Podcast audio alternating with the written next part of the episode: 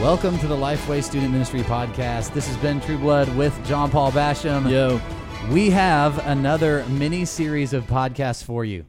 So, beginning today and for the next four days, if you listen to them as they release, Yeah. then you're going to get uh, the the mini series, or you can do it after and listen to all five in a row.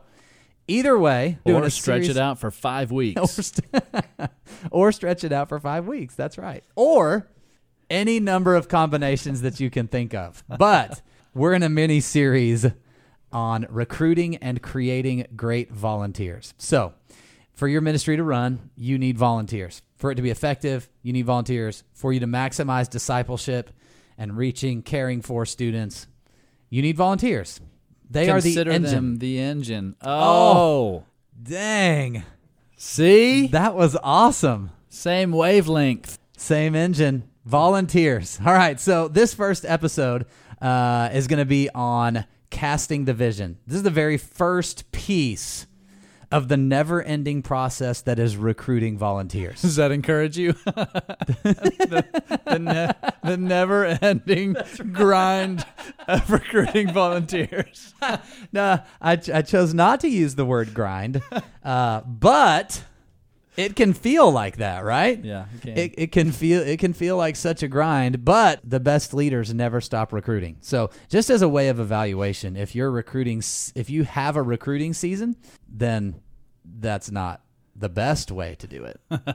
Now I think it's as you think through that what what that looks like. It may be that you have seasons where you're actively pursuing and going to get new names and there may be other seasons where you're in different parts of your recruitment process. So Yeah. you're That's true. you're building out the next uh, environment that you're going to do a really hard recruiting push in, or you are uh, working on some language that you're going to start recruiting with, like a, a brand new approach to to push that emphasis, or you're partnering with another one of the ministries in your church to see how you can come together to do some of these things. So it may not be that every single day you're finding a new name to plug into your ministry, yeah. but I 100% agree. This is a it should always be front of mind. Yeah, yeah, absolutely. There, there might be times of the year where you are uh, speaking with people individually about this to a greater degree. Uh, but the volunteer recruitment process is ongoing, uh, and sometimes it can feel like a grind unless you have a really clear framework to recruit and create great volunteers. And that's what we're going to talk about. Yes, it is. We are talking about it right now, casting the vision first and foremost. So, when you're casting vision in the recruitment process, it is a great filter to begin to discover which people are going to jump on board with the mission um, as they begin to understand it and which ones don't. Because you know, if this is recruiting and creating great volunteers, uh, obviously we're going to get to a point later in the week or later in the podcast series where we talk about how to get them to stay year after year after year after year. And part of that is beginning well and recruiting the right people, ones that know and understand the mission and ones that can say, Yes, I'm on board with that mission. I'm on the same page with you in how the student ministry should function as a part of our church. Yeah, so that's where casting vision and and not just saying, "Hey, we're out here to make disciples in X church student ministry," but being very specific about exactly how you plan to reach that community of students that you've been called to reach. So, what are the key things? What do you value most in your ministry? When you're totally vague, everybody can jump on board and agree. Yeah, that's right. But when you're very specific, you can begin to boil that audience down to the people that are on board with what God is leading you to do specifically in those areas. That said, there may be some people that say, I don't feel like I'm gifted specifically in these things, but I want to serve in student ministry. That doesn't mean those people aren't. Um, that doesn't mean that those people are immediately disqualified for that. Maybe you grow them into that, but at least they come in having that expectation of, okay, this is exactly where this student ministry is going. Yeah, it's better to have somebody who doesn't exactly know which role they want to fill, who is saying, I want to serve in student ministry and I'm on board with your mission. I just don't know where I fit. That's somebody that is a potentially great volunteer because they're on board with your mission. They know they feel some type of calling or leaning that God's given them to student ministry, and then you then can then take them and plug them into leadership according to their gifts. According, you can try them out in different places. All of those things you can manage as a leader. But those first two are you can't do without those. Right. And you've heard us talk about before how we both had a, a pastor that we served under that said you'll re, you will uh, recruit 80% of your problems. And I think that's where a lot of this comes from. Yeah. If you're vague in expectations and vision and mission right from the get-go, then you'll onboard a bunch of people that that don't necessarily agree with your philosophy of ministry or uh, even just practical things that that you feel like God's leading you to do to to implement vision and mission. Yeah. So the really sad thing there is that they don't know that they don't align with you when they sign on. And you don't know that they don't align with you when they sign on because you haven't been clear enough. So ultimately, this is the burden of communication falls squarely on your shoulders. And when that breaks down, there's another burden on your shoulders, and that is to shepherd that person's heart well while you kick them out of your ministry. like you, Yeah. you can't just say, "Wow, you're terrible. You're no longer allowed in student ministry." You're Right. you're still in charge of shepherding them, Yeah. uh, but now it's just a whole lot harder because you didn't do the work up front. Yeah, and shepherding there can can be leading leading them to another place to serve. Uh, it could be finding another place, even in student ministry, to serve for a little while while you train them up into what they originally signed on to be. That you, that, that you found out didn't wasn't quite working that way, or or it may end up with you you having to release them. I, casting the vision, though, man, I, you know, you recruit eighty percent of your problems is is totally the truth. I mean, we both experienced that. And I would say so far when we've talked about casting the vision, we've kept it at kind of like this upper level view of general student ministry, like this is our overall mission. Are you on board? But I think part of this casting the vision idea has to go down deeper into the recruitment process to where you are casting vision for the role that they're asking about too. So how does that role help accomplish the mission of the overall student ministry in connection with the church? Right. and then how does how does each event or how does how do the so if they're if they're if you're recruiting them to be a small group leader how does the role help fulfill the mission and how does the small group environment help fulfill the mission. So you need to connect all of these pieces for them.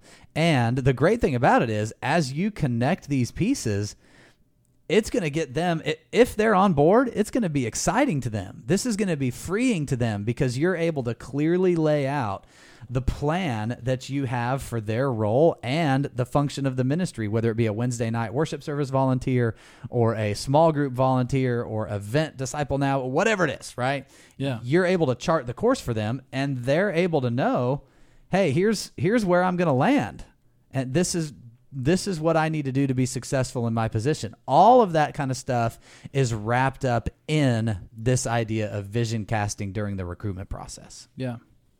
So if we were going to wrap up with in casting vision, I think a lot of people ask the question, how do I cast vision?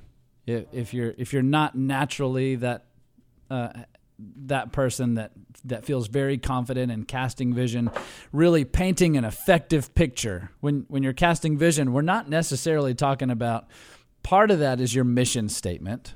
And so that's one piece of, of working on that mission, uh, uh, working on that vision. The other piece is really painting the picture. What is the vision of what God is calling us to do here as the people of, again, X church? Um, there's an exercise that we were led through the leadership team at lifeway was was led through that i think was super helpful uh, eric geiger led us through something that he called the spider diagram and and this uh, is something that a, a tool that we use to build presentations i think it's incredibly effective when we're talking about casting vision and so there's several there's several elements on the spider diagram that you can use to kind of analyze the way you're casting vision. And so the first stop on that is the common denominator. What is unifying everybody that you're speaking to? What do you have in common? H- how are you together in this call to reach students and make disciples of them to grow up this next generation of the church?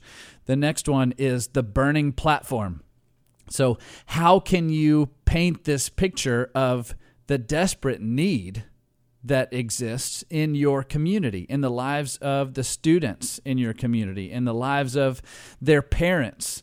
Um, you know, what whatever it is contextually, what's the burning platform?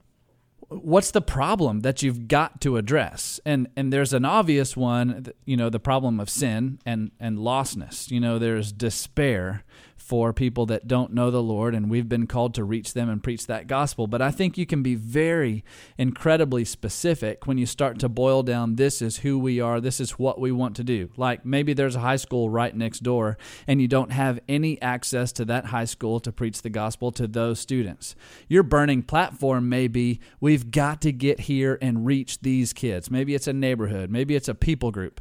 Whatever it is, what's the burning platform? What's the golden tomorrow? So what do you how can you promise a better world for the people that you are reaching with the gospel? What does yeah. this mean? What does this look like for them and also for the church? How are we going to grow? How are we going to see God move? What are we going to see accomplished? Um, I know this is a fast walkthrough, but the next one is a wake up call. Um, are you creating a sense of urgency? Like, we've got to do this now. Scripture's calling us to do this now. Uh, and the last two are the mind stretch and the God smile. The mind stretch is what kind of God sized, audacious goals and dreams can we come together and pray for the Lord to to, to put in front of us? What can we ask God to accomplish that we could never even begin to approach on our own for the sake of these students we've been called to reach? And then the God smile is clarifying that biblical basis. How does Scripture prove that that's what we are called to do? So there's just some quick, uh, some quick steps that you can use to to walk through a session in in vision casting and how you can present that to your people.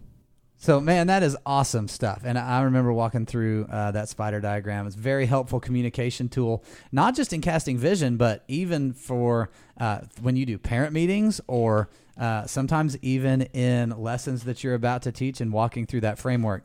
When you listen to this, you're going to be able to find the spider diagram and what John Paul just talked about uh, in a framework for casting vision. Uh, we're going to provide that as uh, as some show notes or something that you'll be able to see. So, first episode of our series on recruiting and creating great volunteers. If you're listening to them all in a row, come back tomorrow. If you're not listening to them all in a row, then just hit play on the next one, and we'll see you then.